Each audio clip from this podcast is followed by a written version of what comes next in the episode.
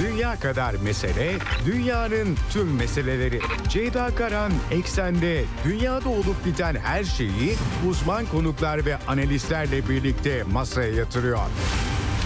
Dünyadaki meseleleri merak edenlerin programı Ceyda Karan'la Eksen hafta içi her gün saat 16'da Radyo Sputnik'te. Ceyda Karan'la Eksen başlıyor.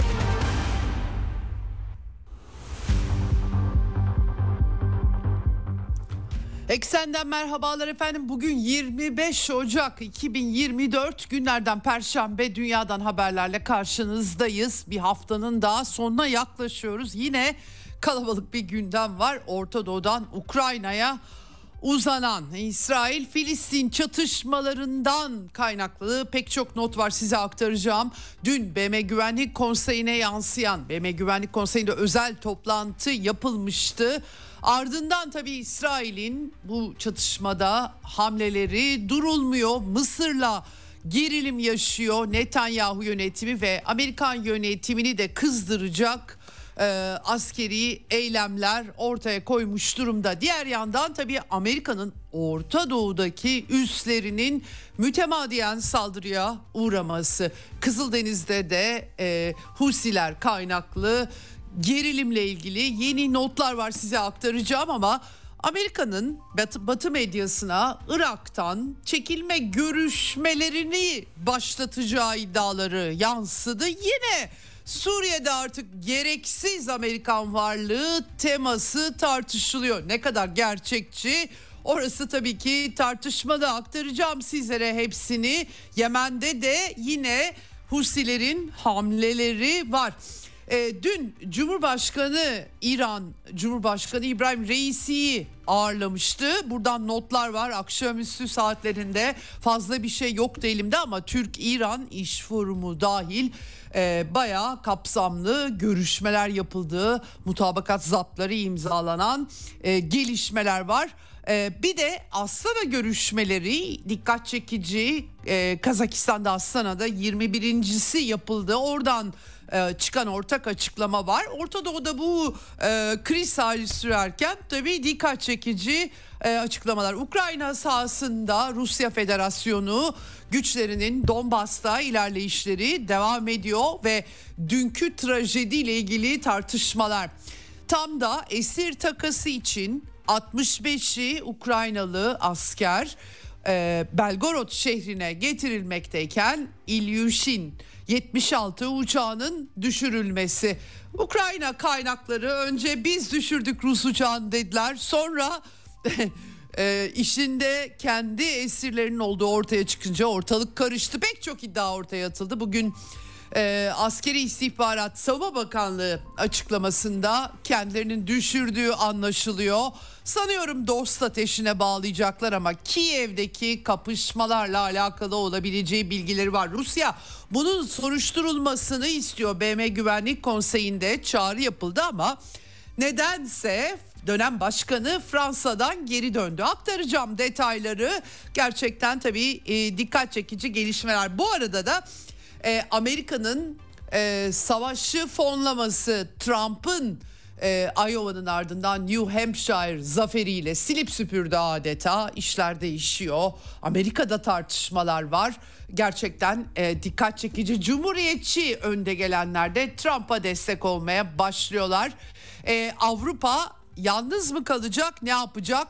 Militarist AB dış politika şefi Joseph Borrell'ın açıklamaları var. Almanya'dan ve diğer ülkelerden açıklamalar. Bir de e, Rusya'nın varlıklarının çalınması hikayesiyle ilgili enteresan gelişmeler var. Onları da aktarmaya çalışacağım. Asya'dan da notlarım olacak. Tabii e, aynı zamanda NATO tatbikatı başladı malum. E, bu tatbikatın e, hayrı nedir bilemiyoruz. Soğuk Savaş'tan 1988'den bu yana ilk defa bu kadar büyük bir tatbikat tam da Türkiye'nin e, Türkiye Büyük Millet Meclisi'nin İsveç'in NATO üyeliğini onaylamasıyla eş zamanlı başladı. Avrupa'da e, e, savaş tamtamları çalmak artık adetten hale geldi. Bugün e, Britanya'ya bağlanacağız ve e, Gazeteci Çağdaş Gökbel'le konuşacağız. Ee, İrlanda, Britanya başta olmak üzere Avrupa perspektifini e, almaya e, çalışacağız. Neden böyle yapıyorlar? Yakın zamanda Britanya Savunma Bakanı Grant Shaps'ın e, makalesi açıklamaları oldu. Savaşa gidiyoruz diyorlar açıkça. NATO tatbikatı bir yana neden Avrupa'da bunlar yapılıyor? Rusya ile açıktan neden halk savaşa hazırlanmaya çalışılıyor?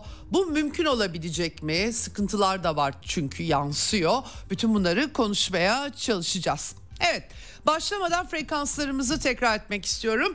İstanbul'dan 97.8 Ankara'dan 96.2 ee, İzmir 91, Bursa 101.4 ve Kocaeli 90.2 karasal yayın frekanslarımız bunlar. Bunun dışında Sputnik Türkiye'nin web sitesi üzerinden cep telefonu uygulamasıyla Türkiye'nin her yerinden bizi dinleyebilirsiniz. Yine Telegram hesabımız var. Orada Radyo Sputnik'e katılmanız, bizi hem canlı yayınlarda dinlemeniz hem de daha sonra arkadaşlarım kayıtları yüklüyorlar.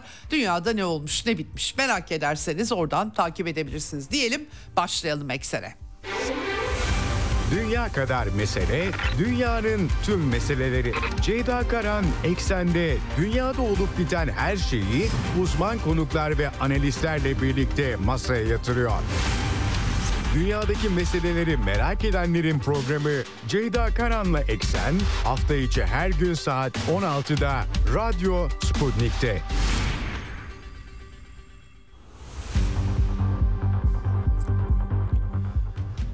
Evet, İsrail-Filistin meselesiyle başlıyoruz. Can kaybı 25.700, 26 bine dayanmış durumda. Gazze-Filistin Sağlık Bakanlığı'nın verdiği rakamlar bunlar. 63.700, 64 bin... E, 64 bine yakın yaralı var maalesef 110 gün 3 ayı aşmış durumda 4 aya doğru gidiyor ucu bucağı da gözükmüyor ee, İsrailli kaynaklar İsrail istihbaratının da aslında ellerinde e, bir veri olmadığı ve bütün bunları Gazze'deki Filistin e, Sağlık Bakanlığı'ndan takip ettiklerini aktarıyor. Sosyal medyada kimi İsrailli yetkililer konuşmuşlar. Aslında bunun nedeni tabii Hamas üyesi olduğundan şüphelendiklerini aileleriyle birlikte imha politikası kaç kişi birlikte öldü onu da çok bilmiyorlar bu şekilde. Dolayısıyla biz de Onları dinliyoruz, onlardan bakıyoruz. Tali hasar diye anıyorlar. Efendim Birleşmiş Milletler'den de Amerika'dan da son eylemlere tepkiler geldiğini söyleyebilirim. Dün akşam saatlerinde Martin Griffiths BM Genel Sekreterinin insani işlerden sorumlu yardımcısı ve acil yardım koordinatörü tweet attı. X hesabından diyelim paylaşım yaptı. Han Yunus'a yönelik ağır bombardımanı eleştirdi. Önce tahliye emri verildiğini sonra tahliye bile gerçekleşmeden bombardıman yapıldığını söyledi yazdı. Martin Griffiths dün aktarmıştım tahliye emirlerini bir de nereye gidecekler refah dışında gidilecek yerde kalmadı. Bu artık duygusuzluktur diye bir ifade de kullandığını görüyoruz Martin Griffiths'in. Bu arada tabi sosyal medyada ellerinde beyaz bayrak sallayan sallamalarına rağmen öldürülen insanların videoları yayınlanıyor. Gerçekten e, e, dikkat çekici. Bir de Amerikan yönetimi bir e, BM e, sığınağı insanlar ne yapacak oralara sığınıyorlar. Yerinden edilmiş yaklaşık 30 bin insanın kaldığı belirtilen bir sığınağa düzenlenen saldırı. Amerikan yönetimi bunu ESEF'le karşıladıklarını duyurmuş vaziyette. Sonucu pek değiştirmiyor ESEF'le karşılamaları açıkça. Şimdi tabii e, Han Yunus'ta geçtiğimiz günlerde İsrail ordusu açısından çok acı bir gün olmuştu aktarmıştım size. Bir anda patlayıcı yerleştiren bir iki bina grubu e, 21 İsrail askerleri askeri Filistinlilerin RPG ateşi sonucunda o patlayıcılar havaya uçmuş ve bir anda hayatlarını yitirmişlerdi. İşte onun intikamı için 21 evi patlattıklarını e, görüyoruz. Bunun da görüntülerini yayınladılar. 21 İsrail askerinin onuruna. Ee, Megazi pususu deniyor bu İsrail askerlerinin Megazi kampındaki evler. Dolayısıyla görüntülerde İsrail askerleri bunun intikamını alıyorlar. Dolayısıyla bu çatışma ve nefretin bitmeyeceği bir sarmal artık böyle görüntülerle dünyaya bu şekilde yansıyor. Yardımlar açlık uyarılarına uyarıları bu hafta BM açıklamalarına damgasını vurmuştu.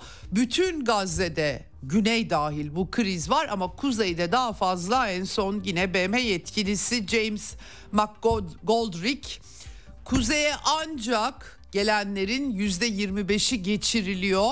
Sığınma alanları aşırı kalabalık, hijyen yok ve İsrail yardım girişini engelliyor. Sadece yüzde 25'ini ulaştırabiliyoruz diye açıklama yaptı. Tabii bu yardımlar söz konusu olunca işler Mısır'a dayanıyor. Çünkü refah kapısının öbür tarafında Mısır var. Ee, Mısır'la İsrail arasında kriz çıkmış durumda. Mısır yetkilileri e, İsrail'li bütün yetkililerin yakıt dahil yardım girişlerini sınırlayacaklarını açıkça söylediklerini ve bu işte Mısır'ın hiçbir payı olmadığını e, belirtmişti ve e, bu hatta Uluslararası Adalet Divanı önünde savunma yaparken İsrailliler Mısır'ı suçlayınca yanıt vermişlerdi. Şimdi en son Mısır lideri El Sisi e, Gazze'ye yardım girmemesinin sebebi biz değiliz. İsrail engelliyor.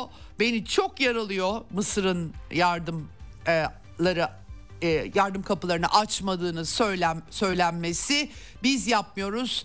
E, Allah'a sığınıyoruz gibi bir açıklama yapmış durumda. Netanyahu bu arada El Sisi ile telefonda konuşmak istemiş ama El Sisi reddetmiş. Bunun tabii sebebi sınır kontrolü kimin elinde nasıl olacak? Ortak kontrol var e, idi 7 Ekim'e kadar Philadelphia Fiyat koridoru denilen bölge İsrailler biz burayı mutlak kontrol altına alacağız diye Netanyahu açıkça dile getirmişti.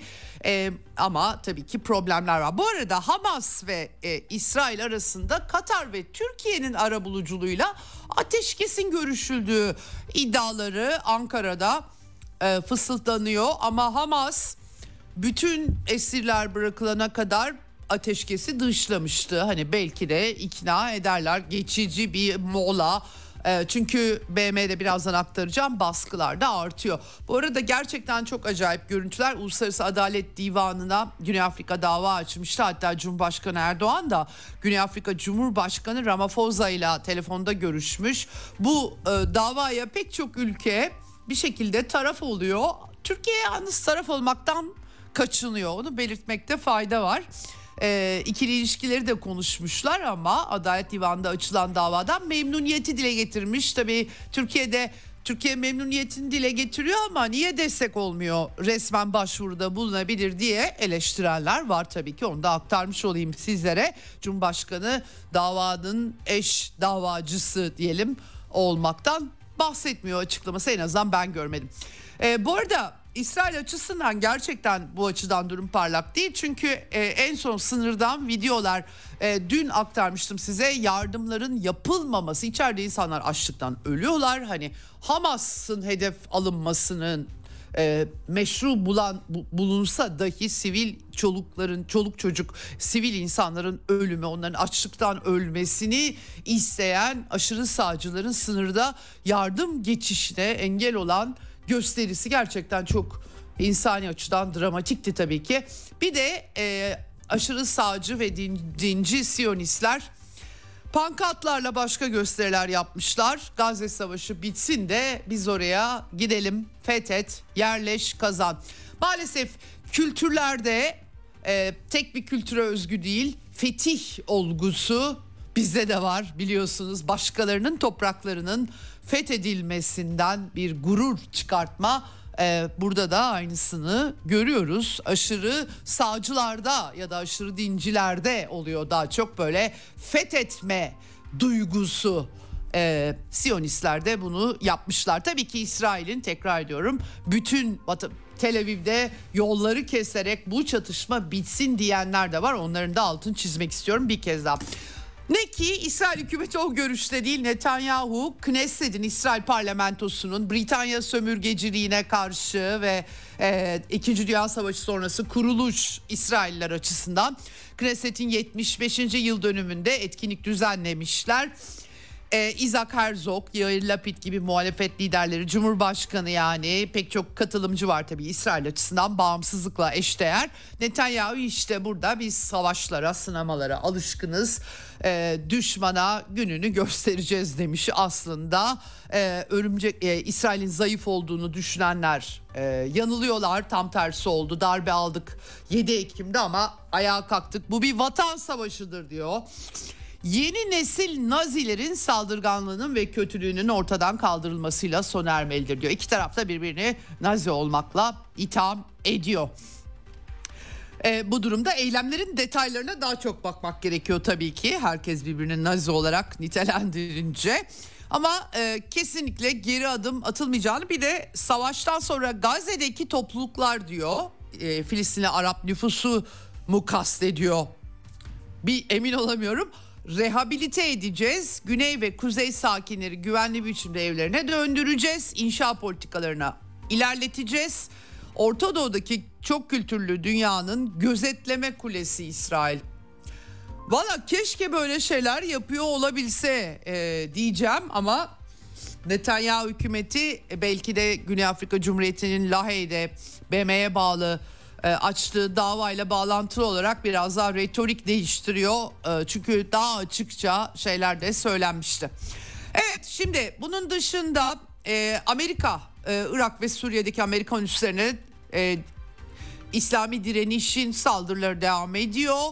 SİHA ve füze saldırıları Aynel Esed üssü e, Konoko Suriye'de e, petrol sahası ve Erbil havaalanında da bir Amerikan üssü var. Üç noktaya e, Amerika'da Irak'ta e, özellikle Irak ordusunu da öfkelendirecek şekilde El Kaim kasabası Suriye'nin sınırında ve Curf El Nasr Bağdat'ın güneybatısında hedefleri vurmuştu. Nuceba hareketini vurduk diye açıklama yapılmıştı ama Irak e, Silahlı Kuvvetler Başkomutanlığı sözcüsü Yahya Resul biraz öfkelenmiş Amerika'nın bu saldırısına kabul edilmez diyor. Irak'ın egemenliğinin açıkça ihlali diyor. Şimdi Reuters başta olmak üzere Batı medyasına düştü.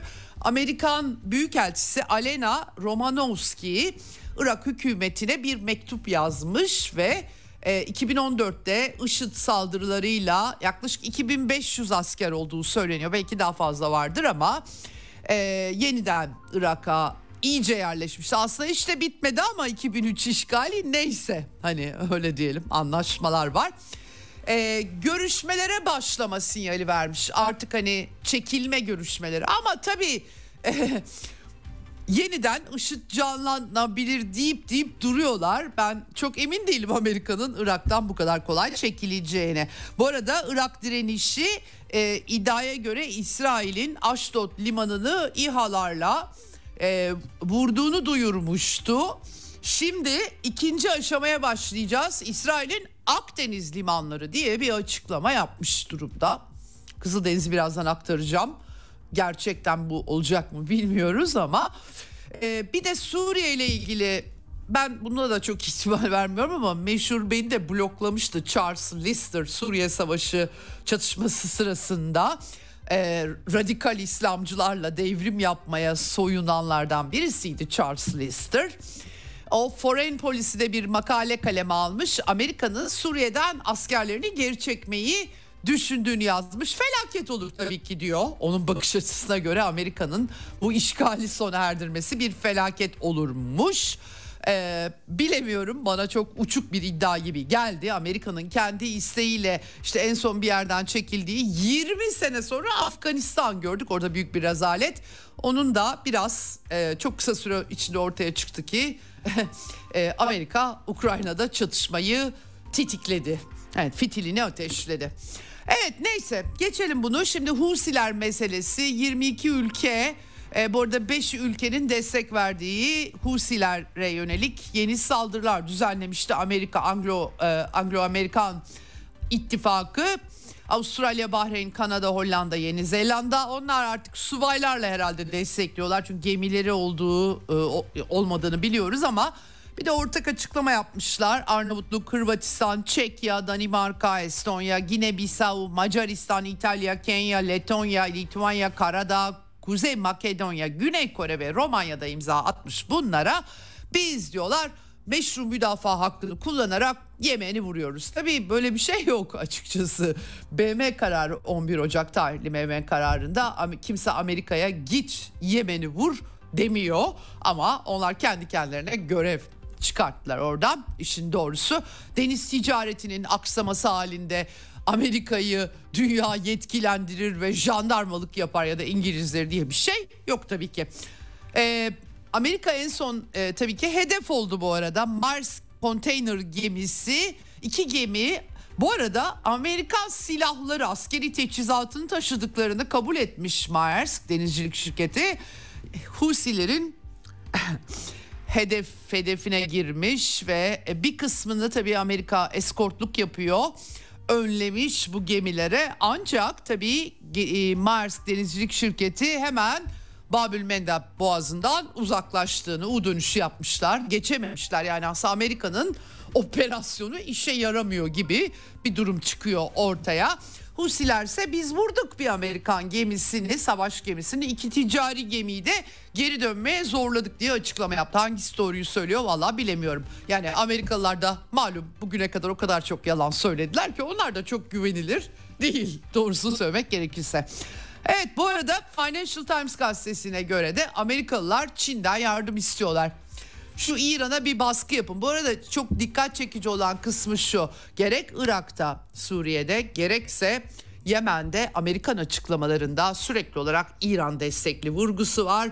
İran'a saldırı hazırlıkları riski açısından düşünenler bu söylemleri çünkü biz bağımsız aktörüz diyor Husiler, Yemenliler İran'da öyle diyor. Yani doğrudan bizim vekil gücümüz değil diyorlar. Dolayısıyla Amerikan açıklamalarında hep bir İran vurgusu olması tepki çekiyor. Ee, direniş cephesinde bir dayanışıyoruz ama kimse kimsenin vekil gücü değil diyor değil diyorlar. Ee, Amerikalılar ise Çin'i uyarmışlar. Yardım edin bize Tahran'a baskı yapın diyerek. Ee, Financial Times'ın haberi ama Çin yönetimi tabii Kızıldeniz'in e, Kızıldeniz'de bu durumların Gazze çatışması yüzünden yani nedenler ve sonuçlarla ilgileniyor tabii Çin ve Rusya Federasyonu gibi ülkeler. Amerikalılar ise Kızıldeniz ısrarla John Kirby diyor ki ne alakası var canım Kızıldeniz'le Gazze'nin. Öyle diyor. Husiler biz Gazze'ye destek olmak için yapıyoruz diyorlar. John Kirby diyor ki hiç alakası yok. Böyle bir enteresan durum. Ukrayna çatışmasında da aynı. Batı'nın sunumu hiç tarihsel bir çerçeve olmadan Putin e, bir sabah uyandı böyle aa orada Ruslar var ben gireyim dedi. O şekilde sunuyorlar. Böyle bir batı enteresan bir batı perspektifi var işin açıkçası. Hiç nedenlerle sonuçlarla çünkü eylemlerin tabii sonuçları var ilgilenmiyorlar ya da ilgilenmek işlerine gelmiyor kamuoyuna açıklama yaparken. Evet Güvenlik Konseyi toplantısının dün iki e, önemli açıklama Sergey Lavrov Rusya Dışişleri Bakanı ve Hakan Fidan Türk Dışişleri Bakanı'nın BM Güvenlik Konseyi'nde yaptıkları oturum Gazze ile ilgili Filistin davası ile ilgili uyarılarını çok detaylı aktarmıştım size. Yaklaşık 60 ülke katılmış ve dikkat çekici tablo şu aralarında Slovenya, İsviçre, Ekvador, efendim Fransa gibi e, onların elçileri de konuşuyor ve e, tek itiraz eden 3 ülke var. İsrail ateşkese itiraz eden Amerika ve Britanya. Böyle bir blok oluştu. Onun karşısında konuşan bütün ülkeler yani bu tecrit anlamına geliyor. Diplomatik olarak somut sonuç verip vermeyeceği ayrı dava ama hepsi bu Filistin e, iki devletli çözüm. Dünya kamuoyu tartışılır tabii iki devletli çözüm ama konsensus olarak söylüyorum. Hepsi ateşkes şart insani yardım şart. iki devletli çözüm üzerinde müzakere, konferans neyse yapmak gerekiyor diyorlar. Bir tek Amerika, Britanya, İsrail. Hepsi böyle kabak gibi BM toplantıları vesilesiyle kalmış durumda. Dün e, Sergey Lavrov konuşmadan sonra çok kapsamlı tabii başka meseleler de var ama bir basın toplantısı yaptı. Orta Doğu'da pek çok ülkenin yetkisiyle görüştüğünü, etkin ara buluculukla e, çözüm müzakereleri başlatma konusunda herkesin ciddi olduğunu söyledi. Geçici ateşkes sadece e, basit bir pazarlık derhal ateşkes ve kapsamlı görüşmeler lazım. Filistin devletini ufukta görmezsek tekrar patlayacak bu iş dedi.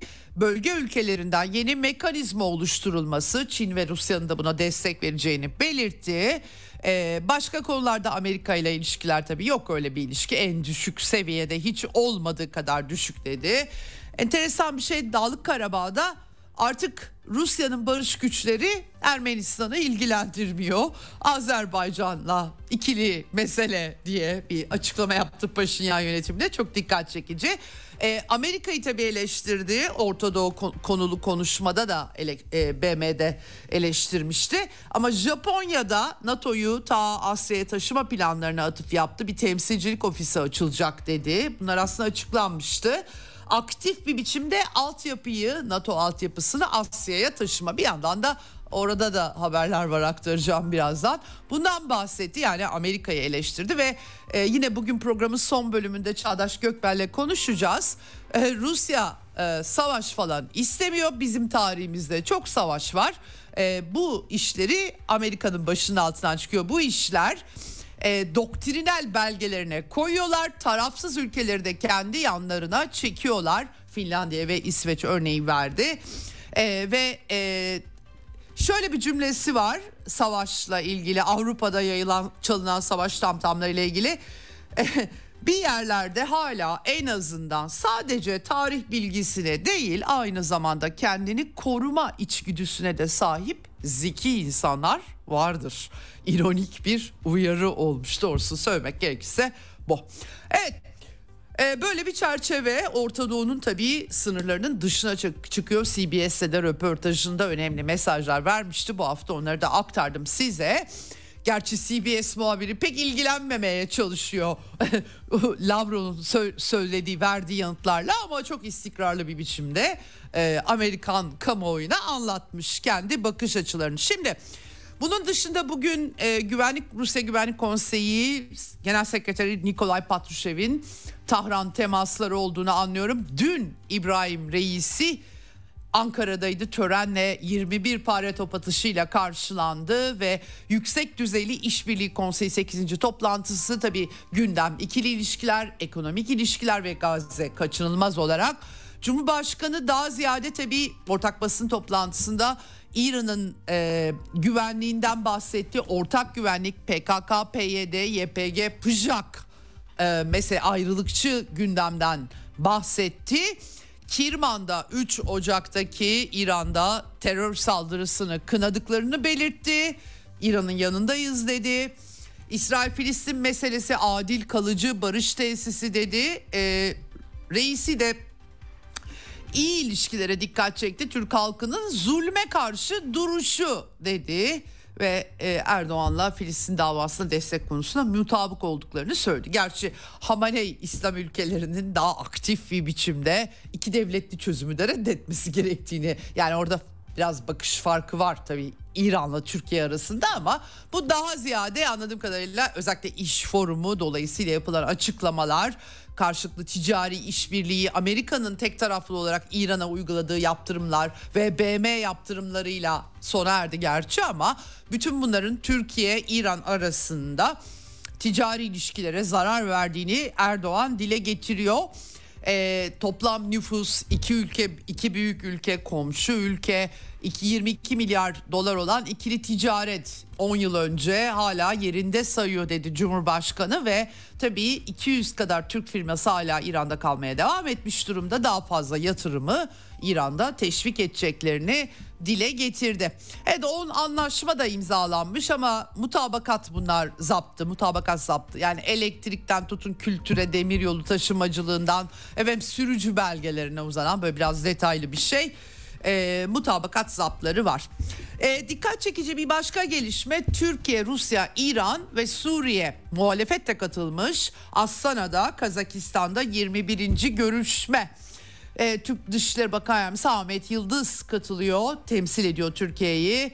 E, Alexander Lavrentiev Rusya'nın temsilcisi İran'dan Ali Asgar Hacı var ve Suriye Dışişleri Bakan Yardımcısı Bassam Sabbah katılıyor. Tabii muhalefetten de Ahmet Tuma var e, BM özel temsilcisi Najat Roşdi, Roşdi de e, orada. Gazze'deki duruma da atıf yapmışlar ateşkes çağrısı eşliğinde ama ortak açıklamada Suriye krizine kalıcı çözüm e, aynı zamanda İsrail'in Suriye'ye Gazze vesilesiyle yaptığı saldırıların kınanması, egemenlik toprak bütünlüğü, geri dönüşler, Suriyelilerin geri dönüşü büyük bir problem tabii ki Türkiye içinde. İyi komşuluk temelinde yeniden ilişkilerin tesisi pek çok vurgu var. Tabii Anayasa Komitesi toplantısından tutalım da e, açıklamada bir sonraki toplantı 2024 ikinci yarısında yapılacak. Tabii Gazze'deki bu çatışma acaba geçen sene Türkiye-Suriye normalleşmesini çok konuşuyorduk ama bu sene e, bütün gündem e, Ekim ayından beri değişti. Nereye evrilecek beraber göreceğiz ama e, ortak bildirinin havası en azından yeni bir şey yok ama e, Gazze unsuru, İsrail unsuru dışında ama iyimserlik e, yayabilecek nitelikte e, diyebiliriz efendim. Evet Orta Doğu'dan e, son notumda Suudi Arabistan'da ilginç bir gelişme 70 yıl sonra tırnak içerisinde diyeceğim çünkü koşullara bakınca başka türlü diyemiyorum. İçki satışı 70 yıl sonra başlıyormuş. Ama sadece diplomatlarla onlar da tabii e, Müslüman olmayan diplomatlar. Müslüman olup da layık olup da e, içkinin faydasına inananlar için geçerli değil anladığım kadarıyla. 1952'den beri de yasakmış. Ben bilmiyordum böyle bir tarihçeyi. Nedeni de Kral Abdülaziz'in oğullarından birisi sarhoş olmuş ve İngiliz diplomatı silahla öldürmüş. Bunun üzerine yasaklamışlar. He yani kararı bilmek lazım. Makuliyet diye bir mefhum var hayatta. En azından sevenler için öyle diyelim. Ee, şimdi diplomatlar içki alabilecek ama bin tane kısıtlama var. Nasıl alacaklar? Kaçak götürseler daha kolay olabilir. Evet 21 yaş altına satılmayacak Suudi hükümeti kayıt altına alacak onaydan geçecek düzgün kıyafet içki dükkanını açacaklar bu arada öyle bir şey var ama dükkana rahat girip çıkılamayacak anladığım kadarıyla bizzat e, gitmek zorundalar. Öyle şoförünü gönderip bile aldırtamayacaklar. İçki miktarı aylık sınırlı. 240 puanlık içki e, satılacak. 6 puan efendim viski cin 6 puan 1 litre şarap 3 puan böyle puanlama hakikaten komedi bir şey ya herkesin tabii ki kültür ve alışkanlıkları değişik ama Suudi Arabistan diplomatlara bile kültür ve alışkanlıkta yatan bir pozisyonda işte ondan biraz taviz vermişler özetle. Evet böyle bir durum var. Şimdi gelelim Ukrayna çatışmasına gerçekten önemli gelişmeler var. Avdiivka ile ilgili ee, diğer cephelerde de hareket var aslında. Kupyansk, Mariinka, Novomihailovka'da Rusya güçleri ilerliyor. Artyomov'da Çasofyar'a doğru gidiyor Rusya güçleri. Donbas ve sınırlarında e, güneyde Krinki köprübaşı e, elde edip Kırım'a yürüyeceğiz diyorlardı. Orası felaket durumda Ukrayna açısından. Gerçekten ama tabii e, Avdiivka'da ben e, açıkçası çok ikna edici bulmamıştım ama videolar yayınlandı.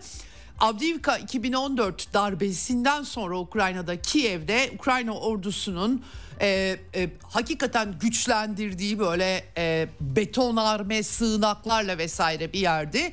E, iki gün önce gördüm aslında Telegram kanallarında Rusya Federasyonu ordusu bir tünel bulmuş. E, su tüneli olduğunu kimileri söylüyor. Sovyetler döneminden Ukrayna zaten Sovyetler Birliği'nin bir parçasıydı hatırlayacaksınız o tüneli bir şekilde kullanılır hale getirip e, mev, mevzilerin arka tarafına çıkmışlar. O sayede Avdiivka'nın güneyinde kontrol alanlarını genişlettikleri söyleniyor. Biraz Ukraynalı kaynaklar gerekçe bulmaya çalışıyorlar gibi gelmişti bana ama bir takım görüntüler de var. Video fake değilse eğer bunun etkili olduğunu söylüyorlar. Böyle bir durum var. Daha e, Avdiivka çok önemli tabii ki Donetsk'in vurulması Ukrayna ordusu tarafından o açıdan. Ee, böyle bir son gelişme var. Ama asıl trajedi dün aktardım size. Ee, bir esir takası yapılacakken İl 76, İl 76 uçağının nakli askeri kargo uçağının içindeki 6 mürettebat, 3 refakatçi Rusya e, ordusu üyesi ve 65 Ukraynalı esirle birlikte Belgorod'da sınıra çok yakın vurulup düşürülmesi. E, şimdi tabii e, Rusya'da büyük tepki yarattı. Çünkü ilk başta Ukrayna kanalları biz vurduk yaşasın Rusya uçağı vurduk dediler ama kısa sürede içinde Ukrayna'da evlerine ailelerine kavuşacak Ukrayna askerleri olduğu ortaya çıkınca bu sefer Rusya vurdu demeye başladılar. Bugüne kadar o kadar çok yalan söylendi ki tabii insan hakikaten e, hani yalancının mumu da yatsıya kadar yanıyor biliyorsunuz. E, ne yalanlar ama S, S-300 füzeleri vardı içinde efendim İran e, danışmanları vardı gibi gibi bin tane. Bu arada tabii Rusya medyasının ve sosyal medyasının alay konusu oldular. Çünkü nasıl editledikleri iddiaları silip silip bir daha yazdıkları da ortaya saçıldı. Arestovic'i kovmak zorunda kalmıştı Zelenski. Bir helikopteri kendilerinin vurduğunu söyleyince dolayısıyla Ukrayna'nın Kiev'deki banderacı rejimin yalanları doğrusu söylemek gerekirse bir değil bin artık ben e, hala doğru olabilir mi diye bakıp her seferinde e, söylediklerinin gerçek çıkmaması karşısında pes diyorum. Bu kadar hani e, bu kadar nasıl olabiliyor anlamakta zorlanıyorum. Velhasıl e, dün aktardım size e, bu füze 3 füze söz konusu Duma Başkanı Volodin'e göre Patriot mu Iris-T mi Ukrayna'ya bu arada bu füzeleri Amerikalılar ve Almanlar veriyorlar. Yani onların Batılıların verdiği füze sistemleriyle Rusya toprakları üzerinde kendi askerlerini üstelik de takas için bu arada bilgileri olduğu söyleniyor. Takas yapılacak çünkü esir takası. Acaba Kiev'de birileri hava savunmasının başındaki operatörlere haber mi vermedi sorusu çıkıyor ortaya. Bu arada iki uçak varmış. İki il bir ikinci il 76 İlyus'un 76'da geri dönmüş içinde 8-80 şanslı isim. Çünkü Ukrayna ordusu onları da vurabilirdi. Uçağı geri döndürmüşler. Esir, de, esir değişimi yapmak da iş oldu Kiev yönetimiyle hakikaten bu koşullarda. Ee, ısrarla tabii e, burada Kiev, Kiev'de Zaluzhny ile Zelenski ve e, Genelkurmay Başkanı Zaluzhny yerine atacağız, atanacağı söylenen Budanov e, seferberlik yasası Rada'da ben geçti zannediyordum ama geçmemiş herhalde okumaları var. O da ertelenmiş. Tamamen bir kaos var anladığım kadarıyla.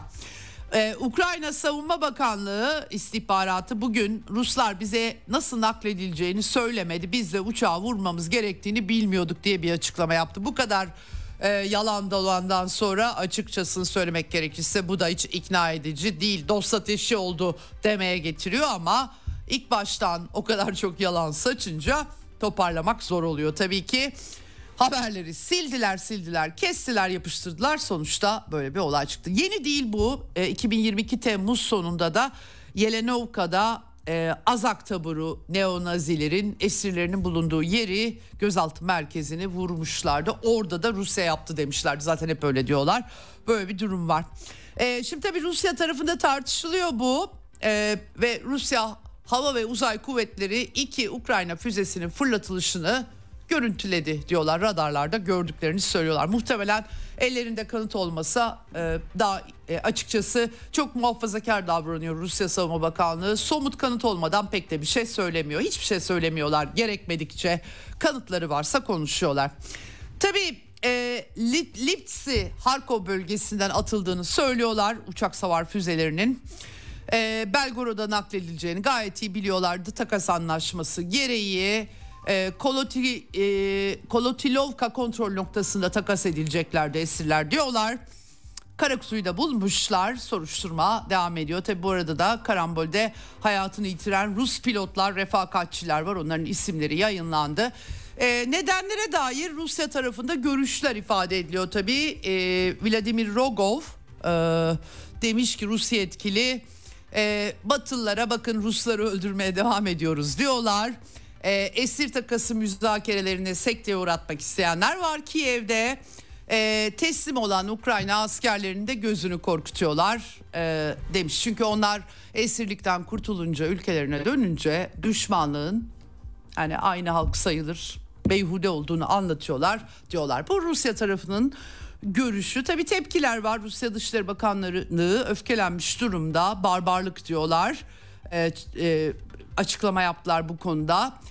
Vur emrini bir suç işlenmiştir. Junta'dan tam olarak kimin verdiği tüm Nazi topluluğu tarafından kabul kabul edilip edilmediği çılgın bir fanatiğin kararı mı? Bu önemli değildir e, demiş e, Kiev'deki Nazi e, banderacıların suçlarından sorumlu bir e, büyükelçi var Rusya e, Dışişleri Bakanlığı'nda Rodion Miroshnik onun açıklaması bu şekilde. Tabii kasıtlı olduğunu görüşü var. Dimitri Medvedev Güvenlik Konseyi Başkan Yardımcısı Kiev'deki iç siyasi çekişmelere atıf yapmış. Ayyuka çıktı zaten açıkçası kendi açıklamalarıyla da e, ortada Ukrayna kanalları da yazıyorlar. E, sonuç itibariyle tabii e, dediğim gibi Yüksek Rada'da seferberlik oylaması ertelenmiş durumda. E, iç kapışmada birilerinin hava savunma operatörlerine burada bizim esirler var demediği anlaşılıyor. Evet şimdi tabii ee, Rusya Federasyonu Dışişleri Bakanı Sergey Lavrov BM Güvenlik Konseyi'nin gündemini almaya çalıştı ama Fransa dönem başkanı acaba operatörler Fransız mıydı diye soranlar var. Kabul etmedi bu durumu. Enteresan Zelenski de uluslararası soruşturma istedi ama nasılsa Batılılar işi geçiştirecek diye düşünmüş olabilir diye aklıma düşüyor doğrusu söylemek gerekirse. Ya da belki de rakiplerini suçlamak içindir. Onu da bilemiyorum. BM'nin pek bir şeyden haberi yok. Uluslararası Kızılaç Komitesi'ni biz bilmiyoruz gibi. Bilmiyorlarsa kanıtlar sunulabilir tabii ki ortaya. Ee, böyle bir durum var. Amerikalılar da ıslıkçı olarak yukarıya bakıyorlar. Ee, John Kirby spekülasyon ustası olabilir ama bu konuda sorumsuzluk yapamam, spekülasyon yapamam demiş. Böyle bir durum. Evet tabii e, hakikaten acı ailelerine kavuşacak olan Ukraynalı esirlerin bu şekilde kendi ordularından atılan e, silahlarla hayatlarını yitirmeleri e, durumu. Evet şimdi e, Zelenski bu arada bütün ülke içi gezilerini acaba benim uçak da vurul benimkiler benim uçağımı vurur diye mi endişeleniyor bilemedim. İptal etmiş orta bölgelerine gezide e, gezi yapacakmış. Efendim ee, birazdan konuşacağız Avrupa'daki savaş tamtamlarını. İngilizler, Anglo-Amerikalılar en hevesli onlar. Gerçi Avrupa Birliği onlardan aşağı kalmıyor ama 40 bine yakın Ukrayna askerini eğittik biz diye hevesle açıklama yapmışlar. İkinci Dünya Savaşı'ndan bu yana en büyük askeri eğitim programı bu. Güzel ama Ukrayna'nın fonlanmasında çok büyük sıkıntılar var. Amerika'da Trump İkinci ön seçimi de Iowa'dan sonra New Hampshire'da ben aktarmıştım size süpürdü. Nikki Haley kendisine de kuş beyinli demeye başlamış. Trump ilginçliklerini ve üslubunu kendine özgü devam ettiriyor. Şimdi tabii Cumhuriyetçi Parti içerisinde giderek artan sayıda destek buluyor. Çünkü sandıktan Trump çıkıyor çok net. Şimdi e, Şubat sonunda Güney Carolina'da ön seçim olacak. Burası Nikki Haley'nin eyaleti valilik yapmıştı yanlış hatırlamıyorsam. Orayı da alırsa artık Trump Cumhuriyetçilerin başkan adayı yargıyla önünü kesmeye kalksalar daha büyük bir çıkmaz ve Trump açıkça gelen haberlere göre Amerikan medyası yazıyor bunları. Ukrayna çatışmasını bitirmek istediğini açıkça söylüyordu. Kongreden 61 milyar dolar olmadı daha az. Cumhuriyetçileri ikna ettirip çünkü Ukrayna iflas etti, silah yok, para yok. Trump da diyor ki cumhuriyetçilere yok para vermeyin fonlara onay vermeyin diyor. İşler daha da zorlaştı çünkü Trump cumhuriyetçilerin adayı ve ağırlığını koymuş gözüküyor. Bu koşullarda iş daha da vahim hale gelecek ve USA Today gazetesi Trump'ın cumhuriyetçileri Ukrayna'ya yardım talebini reddetmeleri konusunda zaten ayak sürüyorlardı. ikna ettiğini haberleştirmiş. Huffington Post'ta da var pek çok yerde var. Biden yönetimi için durum parlak değil. Zaten denetim sıkıntıları e, vardı onlar da yansıyor. Eski Pentagon danışmanı Douglas McGregor bugün e, bir açıklama yapmış. Amerika'da Cumhuriyetçi Senatör Lindsey Graham Ukrayna Savaşı'nın baş destekçisiydi. Çok şahane bir yatırım. Ukraynalıların kanı dökülüyor. Biz Amerikalıların kanımız dökülmüyor demişti. İşte e, Douglas McGregor Lindsey Graham'a demiş ki Dostum Graham Ukrayna'da hiçbir Amerikalı ölmediği için minnettar olmamız gerektiğini söyledi. Bu bir yalan. İster müteahhit yani askeri kontraktör e, ister üniformalı olsun en az 400 Amerikalı öldü bunu biliyoruz demiş. İlk defa böyle bir rakam görüyorum ben. Yoksa kayıplar olduğu biliniyordu ama rakam bilmiyordum. Evet bu arada tabii Amerika'da asıl sorun sınır dışı, e, sınır ötesi e, Meksika sınırındaki göç meseleleri. Texas valisi federal mahkemenin kararına rağmen binlerce, on binlerce diyeyim çünkü ulusal muhafızlar var, polis güçleri var. Sınırı kesiyor. Tanınmıyor resmen Washington'daki federal hükümeti. Ee, bütün sığınmacılar Latin Amerika'dan bize akıyor deyip otobüslerle New York'a liberal eyaletlere göndermişti. Bir kısmını büyük kriz çıkmıştı. New York'un belediye başkanı acil olağanüstü durum ilan etmek zorunda kalmıştı. Amerika'da çok büyük bir problem. Cumhuriyetçiler diyorlar ki işte resmi rakamlara göre 11-12 milyon e, Latino var güneyden göçle gelen. Bunların arasında Türklerin de olduğu söyleniyor bu arada öyle iddialar yansımıştı. E, bunlara e, demokratlar vatandaşlık vermek istiyorlar ama demografik değişim yoluyla Bunlar çünkü demokratların oy deposu haline gelecek. Amerika'da cumhuriyetçi demokrat dengesini değiştirmeye çalışıyorlar. Öyle emeği e, emeğe değer verdikleri, Amerika'nın kalkınması, geliş gelişmesi falan değil. Politik hesaplarla nüfus değişikliği yapıp kendi oy tabanlarını arttırmaya çalışıyorlar diyorlar. Ayrıca 11-12 milyon değil 22 milyon gibi rakamlar. Bilmiyorum abartıyorlar mı, uyduruyorlar mı ama büyük bir kriz Amerika'da yani Ukrayna yerine kendi sınırlarıyla ilgilenseler yeridir yoksa işler açıkça yaş. Tabii Amerika'da durum böyle olunca Avrupa'ya kalıyor Ukrayna'nın yükü. Ne yapacaklar? Avrupalılar özel fonlar yaratmaya çalışıyorlar. Bir de başlarında diplomasi şefleri Joseph Borrell var. Banderacıların Kiev'deki en büyük destekçisi. Ukrayna'nın zaferi Avrupa'nın güvenliğinin garantisidir diye bir iddiada bulunmuş La Repubblica gazetesine makale yazmış bu sefer. Savunma harcamalarını arttırmalıyız. Zaten savunma sanayimize boş verdik. Ay ne kadar e, kötü yapmışlar. Nüfuslarına yatırım yapmışlar. Halbuki silahlara yapmaları gerekiyor. Gerçekten Porte bir de sosyalist diyor bu Joseph Borrell kendisine. Gerçekten inanılır gibi değil. E, bu sayede Kiev'e yardım yaparken sanayimizi, savunma sanayimizde yeniden canlandırmamız lazım demiş. Bilemiyorum ne elde edecek bütün bunlardan. E, ama e, bunun e, iki yıl önce de söylüyorlardı. İki yıl geçti. Gerçekten çok vahim. E, Almanya'da da Christian Lindner Maliye Bakanı valla en çok parayı biz ödüyoruz. o yüzden hepsini sürekli ödeyemeyiz diye bir çıkış yapmıştı. Die Zeit gazetesine Olaf Scholz konuşmuş bu sefer. Ee, sık sık ben Avrupa'da mevkidaşlarımla görüşüyorum ve artık yardımları arttırmanız lazım. Biz yapamayız hepsini demiş Almanya şansölyesi. Tabii Almanya'nın üzerine kalıyor. Almanya'da da isyanlar çıkıyor. Malum çiftçilerin sübvansiyonları kesildi dizelle ilgili. Ayrıca demir yollarında e, e, 3-4 güne yayılan grevler başlıyor. Pazartesiye kadar yanılmıyorsam grev süreci başlıyor. Almanya kendi içinde sarsılıyor.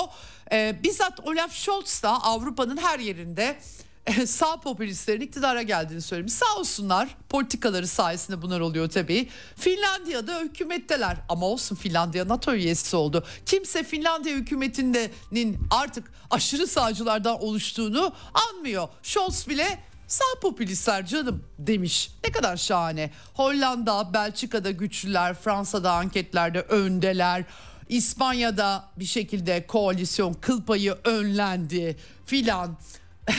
yani hakikaten bu durumun hiç sorumlusu değilmiş gibi ıslık çalarak yukarıya bakmış. Scholz tabii Almanya çok şey yaptı ama tek başımıza yapamayız. Müttefiklerle konuşuyorum demeye getirmiş. Bu arada Peki şu çatışmayı bitirseniz hani Amerika'da her şey sizin üstünüze yıkıyor diye sormak pek aklına gelmemiş Dizayt muhabir. Neden barış ve müzakere? Neden BM Güvenlik Konseyi'nin kararları ve geçmişte uygulanmadı ve şimdi neden barış aranmıyor diye sormuyorlar efendim. Hiç böyle bir gündemleri yok.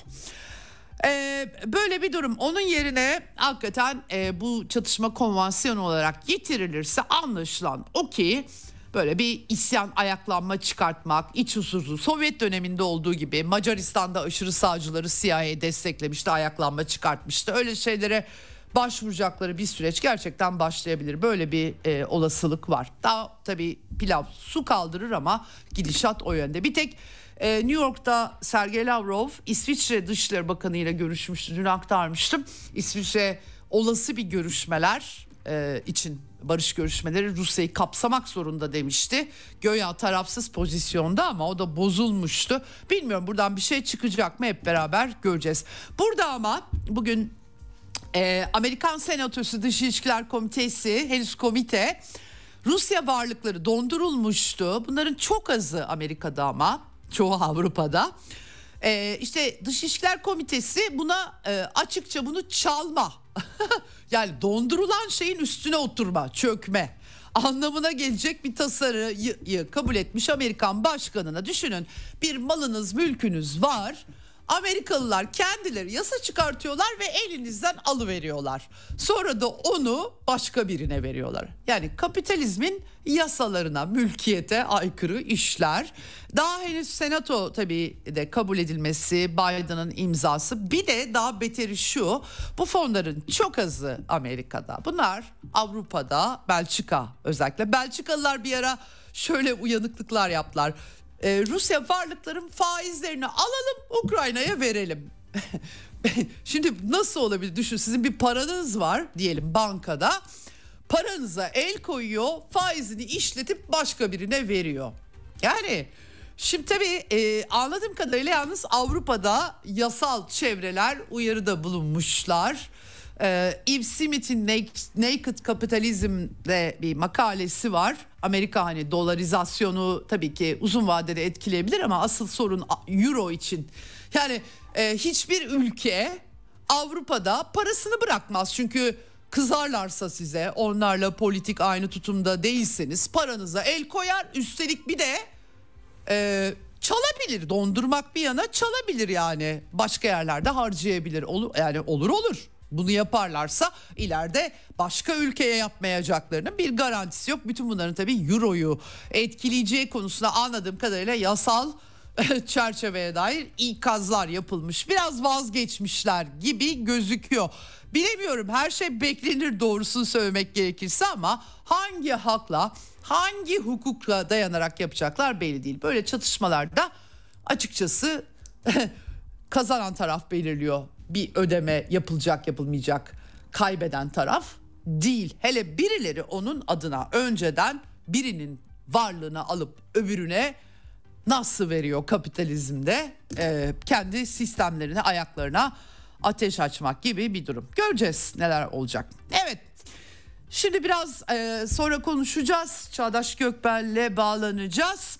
E, en büyük tatbikat Soğuk Savaş 1988'den bu yana Avrupa halkına savaşa gidiyoruz hazırlanın bağırış çağrışı bütün Avrupa kamuoyunda yani e, bilmiyorum Avrupa halkları ne kadar ne oluyoruz ya niçin savaşa gidiyoruz şimdi diye soruyorlar mı?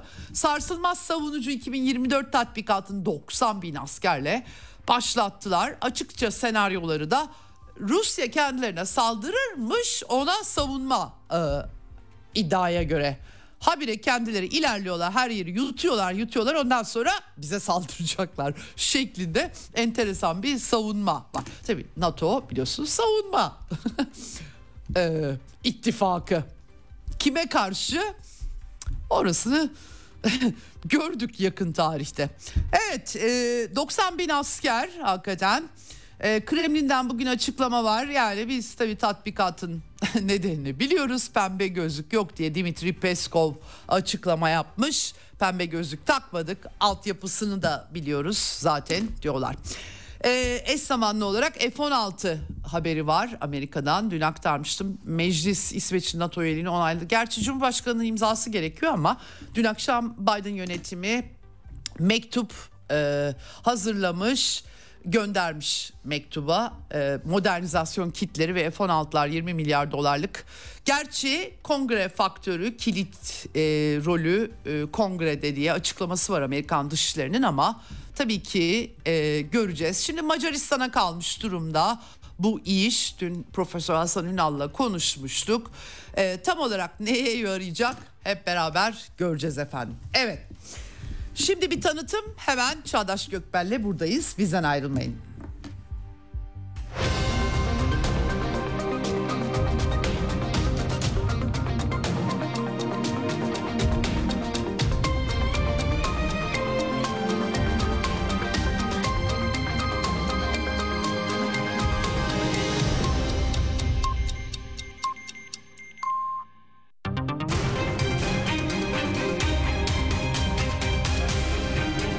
Radyo Sputnik. Anlatılmayanları anlatıyoruz. Ceyda Karan'la Eksen devam ediyor.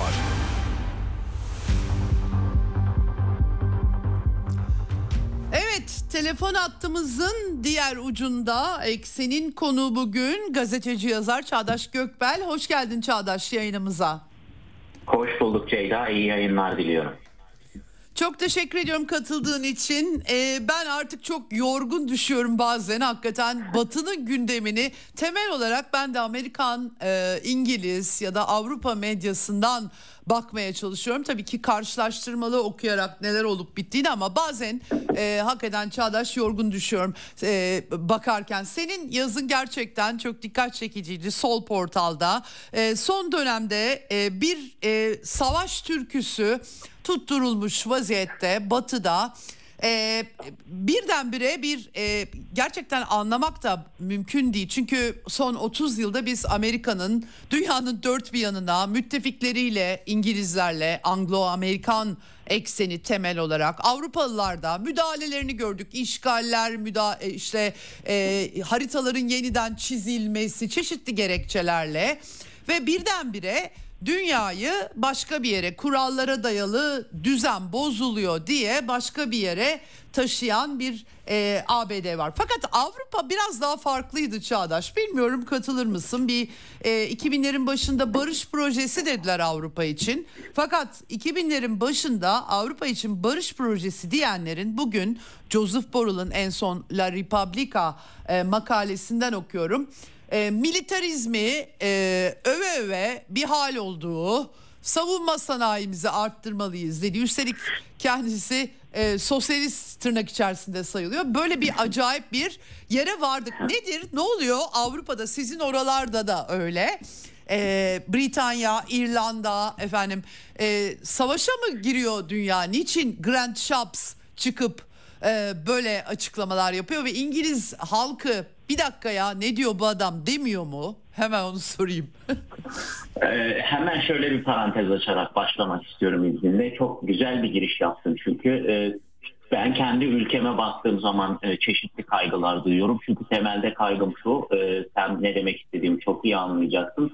Eskiden e, gazetelerin ve televizyonların en azından yurt dışında yaşayan muhabirleri vardı. Şu an gazetesiz hmm. ve gazetecisiz kalmış bir ülkede yaşıyorlar ve e, doğal olarak takdir edersin ki bu ülkede yaşamak, bu ülkenin toplumsal atmosferini soluyarak buradan haber vermek çok çok önemli ve Türkiye bunu maalesef kaybetti. Evet. bir parantırnak kaçarak başlamak istedim. İngiltere'ye gelecek olursak ki buradaki en kilit ülke o.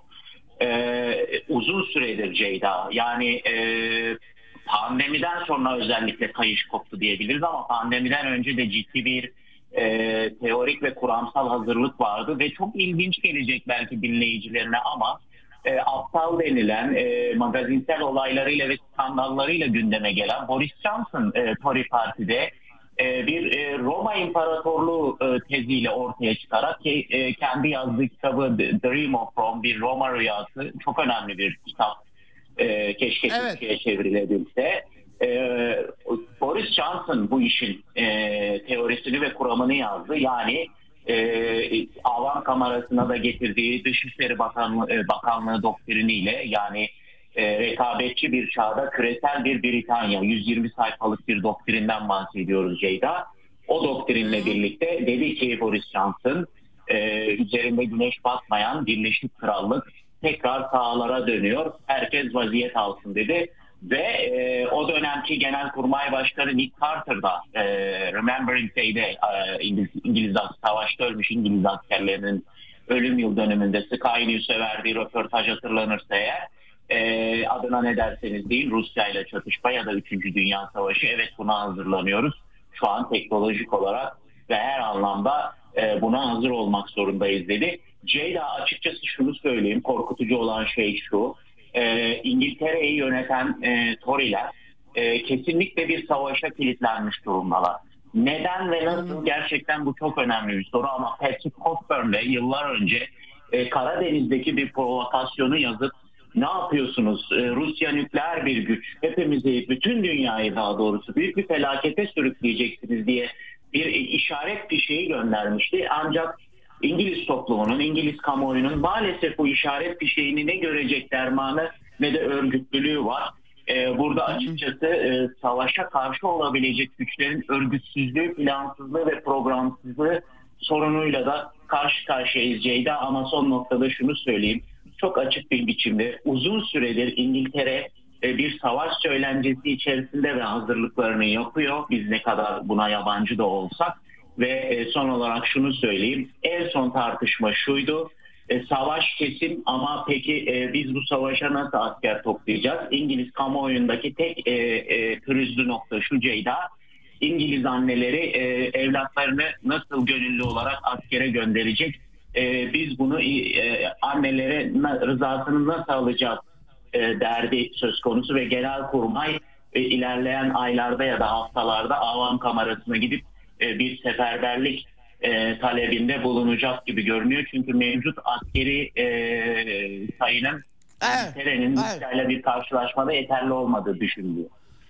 Evet ben de onu sana tam da soracaktım. Kara Kuvvetleri Komutanı Patrick Sanderson çünkü e, halkı savaşa ça- çağırmamız lazım ama zayıfız demesi var. Daily Telegraph gibi istihbarata yakın gazetelerinde mesela donanma gemilerine koyacak adam bulamadıkları haberleri var. Yani ben iddia etmiyorum bunu Daily Telegraph yazıyor çünkü. Buna rağmen tabii Yemen'de Husi avlamaya çıktılar. E, Husi sistemleri avlamaya çıktılar Amerika ile birlikte. Gerçekten çok e, acayip bir e, durum var. Ee, tabii şunu e, sormak istiyorum sana. Ee, ısrarla Boris Johnson da Ukrayna çatışmasını alevlendiren ilk başta çözülmesinin önünde engel teşkil eden isim. Peki İşçi Partisi ne yapıyor? Geçmişte hiç olmazsa yine kör topal e, bir e, e, Britanya İşçi Partisi vardı Birleşik Krallığın ama şimdi Keir Starmer diye bir adam var ve açıkçası Boris Johnson'la arasındaki farkı çok anlayamıyorum ben. Birazcık e, İşçi Partisi neye yarıyor? E, oradaki ekonomik sorunlar e, e, bütün bu savaş ve çatışmalarla daha da vahimleşecek bunları anlatan bir siyasi odak da mı yok? Yani nasıl oluyor da bunlar tartışılmıyor? E, hemen onu sorayım şey var odak olarak ben e, değerli buluyorum. Çok önemli bir odak. E, Demiryolu İşçileri Sendikası Başkanı Michael Lynch var. Çok çok önemli bir isim ve Filistin meselesinde de gerçekten İngiltere'deki örgütlülüğü e, Jeremy Corbyn'le birlikte üstlenmeye çalıştı. Ancak e, yeterli değil Ceyda. Çünkü sendikal hareketin biliyorsun ki politik veçelerde çok fazla sıkıntısı var ve bunun politik yansıması olması lazım. Keyif sarmaya e, özellikle parantez açmak zaten gerekiyor. Çünkü e, çok e, iyi bir e, toplum mühendisliği yapıyor karşı taraf Ceyda. Yani karşı taraftan kastım şu e, İngiltere'yi yöneten zengin elitler. E, şöyle, hmm. e, Tory Parti hükümeti e, gelecekte seçimle devrilirse eğer e, bir savaş hmm. hükümetini, bir savaş kabinesini kaybetmemek için Labour Parti'nin başına Keir Starmer gibi geçmişte de devlette çalışmış e, birisini e, Labour Parti'nin başına getirdiler ve biliyorsun Ken Loach dahil olmak üzere partinin e, ilerici bütün kanadını Keir Starma budadı ve e, biliyorsun burada da antisemitizm mesela Jeremy Corbyn'e karşı çok önemli bir e, silah olarak bir argüman olarak kullanıldı. Neticede Keir evet. Starma alan alan düzledi diyebiliriz. E, yani şu oldu aslında e, İngilizler eğer e, şu anda senin de dediğin gibi e, cost of living dediğimiz yaşam maliyetleri krizi gerçekten Ukrayna savaşıyla birlikte artık katlanılmaz bir boyutta. Şöyle söyleyeyim gıda bankalarından e, gıda alan insanların sayısı rekor kırıyor. Böyle bir İngiltere'den bahsediyoruz. İnsanlar kışın doğal gazlarını açmıyor ve battaniyenin altında sarılarak oturuyorlar. Belki Türkiye'deki insanlara bunlar çok ekstrem geliyor ama gerçekten bu, bu bir gerçeklik olduğu için anlatmaya çalışıyorum ve İngiliz halkı yeter bu kadar artık deyip e, yönetim değiştirmeye kalktığında ve ilk seçenek olarak Labour Parti'yi gördüğünde maalesef hiçbir şeyin değişmeyeceği gerçeğiyle karşı karşıya olacaktır ve onlar da ve daha da ilginci Ceyda belki e, bu savaş ve çatışma perspektifinde Rusya ile karşılaşmada belki Labour Parti Tory Parti'den çok daha iyi bir savaş kabinesi de oluşturabilir. Tony Blair deneyimini hatırlarsak eğer. Evet, evet, evet. E, hakikaten mantar bulutları yalanlarını saçıp saçıp bir hal olmuştu. Başına da hiçbir şey gelmedi değil mi? Tony Blair çok şahane bir yalancıydı. Aslında bir 2000'lerin e, başında tabii liberallerin ne büyük yalancı olduğunu pek az insan anladı. Daha sonra anladıklarında da iş işten geçmişti. Biraz medyanın rolü yok mu burada? Gerekli soruları yöneltmemek e, e, ya da ne bileyim e, 2003'te Irak işgalinde Tony Blair vardı belki ama Çağdaş öte yandan da çok kalabalık e, kitleler sokaklarda savaşa hayır diyorlardı. Şu an öyle bir şey görmüyoruz. Yani tuhaflık biraz orada. Dolayısıyla ideolojik olarak biraz sorgulamak lazım neler olup bitiyor diye. Ee, bir savaş karşıtı hareket yok anladığım kadarıyla. Bunda da herhalde medyanın çok önemli. Çünkü Guardian gazetesinin emperyalizmin en büyük en önemli aygıtı haline geldiği bir durum e, o e, Simon Tistle'ı okuyup okuyup şaşkınlığa uğruyorum mesela ben o açıdan soruyorum sana e, nasıl olacak bu savaş karşıtı e, cephe e, kurulamayacak herhalde ya. Yani böyle bir şey yok Avrupa'da artık tamamen. E, çünkü e, ba- başka türlü bu, bu kadar nasıl e, rahat hareket edebilirler? E, e, e, burada medyanın rolünü de sorgulamak gerekiyor. Ne dersin bilmiyorum. Yani gerçekten iyi bir e, kronoloji çizdin. E, Irak Savaşı meselesinde İrlanda'da da düşüntü 5 e, o zaman iki nüfus için söyleyeyim 4,5 milyonluk bir ülkede Dublin'de sadece Dublin'de 1,5 milyon kişinin yürüdüğünü evet. söyleyeyim. Bunun evet. nasıl bir rakam olduğunu tahayyül edin. Ama dediğin gibi burada medyanın rolü çok önemliydi. Herhalde o dönemde çok iyi tecrübeler kazandılar ki e, şimdiki sürece medyayı dümdüz ederek girdiler. Hemen burada Julian Assange'ı hatırlatmak isterim. Yine e, belki aynı ismi atıp yapacağım ama Patrick Cockburn demişti ki Julian Assange'ı çıkartamazsak eğer lütfen artık İngiltere'de bir basın ve ifade özgürlüğünden bahsetme ezberini Bahset. terk edelim dedi. Bunu bunu evet. bahsedemeyiz dedi ve e, senin de dediğin gibi medyayı düzledikleri için e, bir barış hareketinin örgütlenebilmesi çok zor görünüyor. Hemen buradan e, APD'ye ve Almanya'ya da bir başlık açmak isterim. Biliyorsun yüz binler tabii, tabii, Almanya'da. Tabii, Tabii, çok, tabii. Buyur. Çok güzel. Yüz binler yürüdü. Evet insanlar e, belki bir moral buldu. Paylaştılar ettiler ama sıkıntı şu Ceyda. Yani yüz binleri yürümesinin şöyle bir anlamı yok.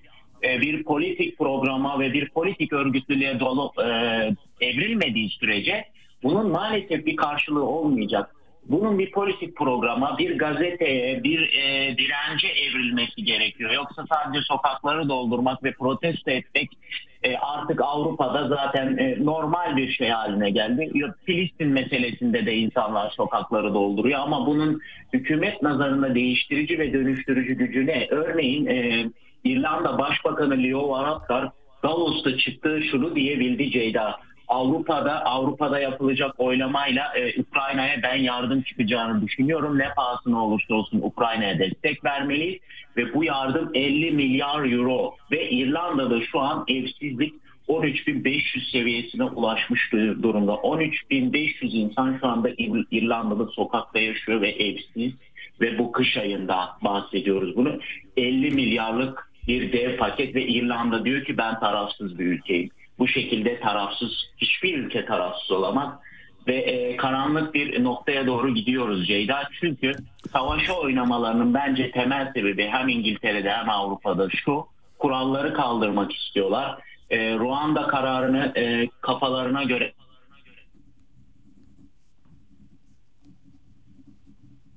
hukukun dışına çıkmaları gerekiyor. Bu da şu anlama geliyor savaş sayesinde bunu yapabilirler. Savaş sayesinde kuralları kaldırabilirler. E, şunu soracağım e, Çağdaş sana. Yani şimdi e, A- A- AFD Almanya'da göçmen karşıtlığından en temelde tabii ki içlerinde bir takım nazilerin olduğu da anlaşılıyor. Farklı liberterler de var biraz karışık anladığım kadarıyla ama nazilerle bir bağlantı olduğu anlaşılıyor. Gerçi Scholz hükümeti de banderacıları Kiev'de destekliyor. İdeolojik olarak benim iyice kafam karışıyor bu anlamda. Fakat eğer göçmen karşıtlığından gideceksek e, e, İngiltere'de Hint asıl Hindu asıllı bir başbakan e, milleti Ruanda'ya sürmekten bahsediyor. Yani şimdi e, Muhafazakar Parti parti ile e, AFD'nin göçmen karşıtlığı aynı. E, nedir farkı? Yani bu tartışılmıyor mu? Biz şimdi onlara aşırı sağcı diyoruz ama bizimkiler de böyle bir şey. Bir, bana ne Avrupa İnsan Hakları Mahke- Mahkemesi kararı göçmenler gelmeyecek diyorlar. Onlar da göçmen karşıtı. Şimdi Muhafazakar Parti aşırı sağcı değil mi? Anlayamıyorum. Nedir orada? Nasıl algılanıyor bunlar? Yani ya da e, e, Kiev'deki banderacılar açıkça e, re- devletin resmi ideolojisi kıldılar. E, bunu da mı hiç yani kardeşim siz böyle diyorsunuz ama orada da bu adamları destekliyorsunuz demiyorlar mı? Ee, Yani gerçekten bunlar çok kapsamlı sorular. Ee, şöyle Ceyda, e, Tory Parti e, yani şöyle İngiltere'de e, bu konservatif parti olduğu sürece herhangi bir AFD'ye ihtiyaç yok. Çünkü buradaki açığı o, ka- o kapatıyor. Yani Tory Parti ben açık ve net konuşayım. Açıkçası Nazi, Nazi, Nazi İngiltere'nin Nazi Partisi diyebiliriz. Ee, bu dönemin farkı şu olacak Ceyda. Ee, Almanya'daki Nazi deneyiminden farkı diyeyim. Evet, elbette ki kesişim noktaları, benzeşim noktaları olmakla birlikte şöyle bir farklılık olacak. Artık günümüz Hitlerleri esmer tenli ve göçmen kökenli olabilirler. Çünkü onların esmer tenli ve göçmen kökenli olmasının hiçbir anlamı yok. Buradaki esas belirleyen nokta Avrupa merkezci ideolojinin, e, Eurocentrizm denen o e, berbat emperyalist ideolojinin etkisi altında mı değil mi? Bu öğretiyi, bu doktrini kabul ediyor mu, etmiyor mu meselesi çok önemli. Yani e, ben Avrupa medeniyetine ve beyaz Avrupa ideolojisine e, sonuna kadar sahip çıkıyorum diyen bir Afrikalı da örneğin bir Obama da mesela savaşçı bir e, pozisyona gelip e, gayri medeni olarak gördükleri Atlantik ve Av- Avrupa merkezinin dışındaki e, ülkelerde yaşayan insanları dehumanize edeceklerdir. E, hepimizi hepimizi çok zor günler bekliyor. Şuna kesinlikle hazır olmamız gerekiyor. Biliyorsun sen de takip ettin. NATO Hollandalı amiral NATO Askeri Komitesi Başkanı Bauer e, bütün Avrupa NATO ülkelerinden bahsediyor elbette. Hem e, İngiltere Savunma Bakanı'nın da açıklamalarında e, silah silahlara ayıracağınız bütçeyi ayırın, savaşa hazırlanın e, diyorlar ve İsveç'te de uzun süredir bir toplumu savaşa hazırlama süreci içerisinde olduklarını görüyoruz. Şu açık ve net e, Avrupa'da peki Nazivari yönetimlere neden ihtiyaç duyuyorlar? Az önceki dediğim şeyle paralel hukuku e, Ceyda bu şartlar altında burjuva demokratik yasalarıyla devam ederek e, hedefledikleri şeylere ulaşamayacakları ve bir savaş kabinesi kurmak istedikleri için e, hızla nazivari yönetimleri Avrupa'da göreceğiz. Ama senin de dediğin gibi bu iş Ukrayna'da banderistlerin göz göre göre iktidara gelmesiyle ve bunu Angela Merkel de itiraf etti. Herkesin çok hünerli, çok akıllı dediği o başbakan ben o kadar hünerli, o kadar marifetliydim ki Rusya'yı benim sayemde oyaladınız ve bu Nazileri e, benim sayemde iktidara getirdiniz dedi. İyi ama e, Almanya'da bunu sorgulayan bir avuç gazeteciye yapılan baskıları kimse konuşmuyor bile. Siz ne Evet. Almanya'nın böyle bir geçmişi var. Böyle bir altyapısı var ve Almanya'ya çok yakın bir coğrafyada bunu yaptılar. Pandora'nın kutusunu açtılar Ceyda. Yani hepimizi zor günler bekliyor. Evet peki. Çok teşekkür ediyorum e, Çağdaş. E, maalesef böyle e, sevimsiz konuları konuşmak zorunda kalıyoruz ama önümüzü de görmemiz lazım öngörebilmemiz lazım. Özellikle de e, Türkiye'de dikkat etmek lazım. Çünkü tuhaf algılar görüyorum. Sanki dünyada olup bitenleri hiç izlemiyorlarmış gibi bir Batı ve Avrupa algısı var. Bazen şaşkına dönüyorum e, okuduklarım karşısında. O yüzden de özellikle oralarda neler nasıl yaşanıyor yaşanıyor daha iyi anlamaya çalışıyorum. Çok teşekkür ediyorum katkıların için. Ben teşekkür ediyorum Ceyda. Şöyle bitirelim mi? E, Türkiye için Tabii. çok önemli çünkü İsveç oylaması başımıza çok çorap örecek. İngiltere Montreux'u kafaya takmış durumda. Yıllardır bu Montreux nasıl delinecek diye kafa yoruyorlar. Büyük İstanbul, Mucizevi İstanbul, Kanal İstanbul projesi de bu kapsamda düşünülüyordu. Yeni şeyler düşünmeye devam edecekler. Bu İsveç oylaması başımıza çok iş açacak. Sırf F-16 uğruna, ufak ufak şeyler uğruna Türkiye'nin geleceğini e, karanlığa ve ateşe atıyorlar. E, savaşa karşı bir e, oluşum Türkiye'de de şart. Rusya bizim komşumuz unutmasınlar. Komşularımızla iyi geçinmek ve bu e, küresel savaş açlığı çeken e, NATO'nun etkisini bir şekilde kırmak gerekiyor. Yoksa insanımızı hakikaten zor günler bekliyor. Bu uyarıyı yapmak zorundaydım. Ben de sana çok teşekkür ediyorum. Çok teşekkürler. Tekrardan Çağdaş Gökmen'le konuştuk.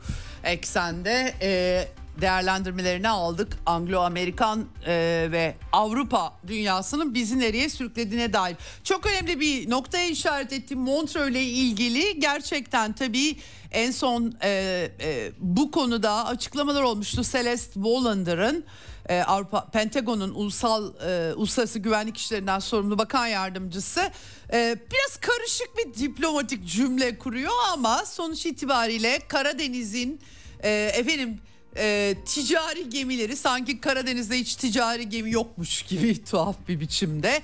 E, tabii Montreux Sözleşmesi Türkiye'nin tapularından birisi ve Türkiye buna dayanarak çatışma koşullarını e, gerekçe göstererek savaş gemilerinin Karadeniz'i ortalığın daha da karışmasını engelleyecek şekilde enge, e, e, engellemişti. Açıkça NATO askerleri önde gelen eski yeni komutanlar Karadeniz'e girme hedefini ortaya koyuyorlar. Ee, ve bu konuda İngiltere, İngilizler de e, Amerikalılar da başı çekiyorlar biliyoruz. İşte en son Türkiye, Romanya, Bulgaristan tahıl e, gemileri ve muhabbetlerin de ötesinde mayın tarama Ukrayna'nın e, bıraktığı yasa dışı bir biçimde serbest bıraktığı mayınlarla ilgili bir e, mutabakat imzalamıştı. E, böyle gelişmeler var o yüzden e, önemli bir noktaya işaret etti. Wallander'ın açıklamaları bu arada Anadolu Ajansı muhabiri tarafından Sergey Lavrov'a sorulmuş New York'ta. O da e, Türkiye e, bu konuda demiş e, Türk meslektaşlarımız bize defalarca Montreux Sözleşmesi'nin mirasının emanetçileri olarak bu sözleşme hükümlerine sıkı sıkıya bağlı kalacaklarını söylediler. E, ve e, yani e, dolayısıyla başarılı e, İngilizlerin delme harekatının Montreux'ün başarılı olacağını zannetmediğini e, söylemiş. Tabii e, yani Türkiye'den boğazlar düzenlemesini yumuşattırmaya çalıştıkları ben de bu konuyu işlemiştim. Cumhurbaşkanlığından bir kaynak da Sputnik'e açıklama yapmış. Türkiye'nin tutumunun değişmediğini dile e, getirmiş bu konuda. Hakikaten e, önemli bir Karadeniz'deki gerilimin artmaması için önemli e, Montreux bir kez daha altını çizmek gerekiyor. Bu arada e, tabii NATO deyince bu büyük tatbikat filan e, Asya'da da e, Tayvan seçimleri 13 Ocak'ta oldu malum. E, bu e, seçimlerden sonra efendim e, Amerikan e, ordusunun e, tabii Tayvan Boğazı'na e, USS John Finn savaş gemisini gönderdiği Çin Halk Cumhuriyeti ordusunun teyakkuz haline geçtiği 7. filo Amerikan 7. E, filosu söz konusu. Hatta işte e, yine burada e, açıklama yapmışlar USS e, Roosevelt'i Hint Pasifik'te e, faaliyet gösteren 7. filoya ekliyorlar ve her yerde uçar yelken açar faaliyet gösteririz demiş Amerikalılar. Bütün dünya onların tabii ki. Tabii Çinliler de Shandong uçak gemisinin tatbikat başlattığını duyurmuş durumdalar. Bugün Çin Savunma Bakanlığı sözcüsü bir açıklama yapmış. NATO'nun bulunduğu her yere kaos götüren, yürüyen bir savaş makinası olduğunu söylemiş kendisi. Asya Pasifik'e de işte Filipinler en son Çin'in problemi. Japonya giderek işte irtibat ofisleri Sergey Lavrov'un işaret ettiği bunların açılması söz konusu. Ee, efendim e, en son Stoltenberg'de biz Asya'ya ilerlemiyoruz NATO olarak Çin e, geliyor buralara gibi bir açıklama yapmıştı. Dünyada 800'den fazla üssü olan Amerika Birleşik Devletleri ve NATO'daki müttefiklerini sağ sola taşıyan, paktlar kuran da tabii ki Amerika Birleşik Devletleri. Onlar kendileri söylüyor zaten buralar bizim istediğimiz gibi geçeriz demirleriz diyorlar.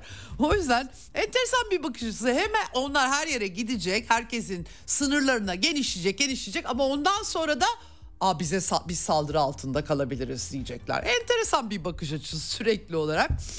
Ee, aynı şeyleri her türlü provokasyon, her türlü kışkırtma, yayılma sonra da saldırıya uğrayacağız biz diye kendi halklarına panik yayma. Bu şekilde açıkçası maalesef e, özetlenebilir bir durum. Son notum Fransızlar çıkmak zorunda kaldılar. Sömürgecisi oldukları Afrika ülkelerinden Nijer, Burkina Faso bunların haberlerini aktarmıştım. Rusya ilk defa Burkina Faso'ya savunma anlaşmasından kaynaklanacak şekilde birlikler 100 kişilik bir birlik göndermişler. 300 asker konuşlanacak. Yine İbrahim e, Traore e, çok e, ünlendi. Afrika'nın Ç'si mi olacak bilmiyorum ama artık Rusya'nın da askeri desteğini almış gözüküyorlar. Tabii Fransa çıkıyor.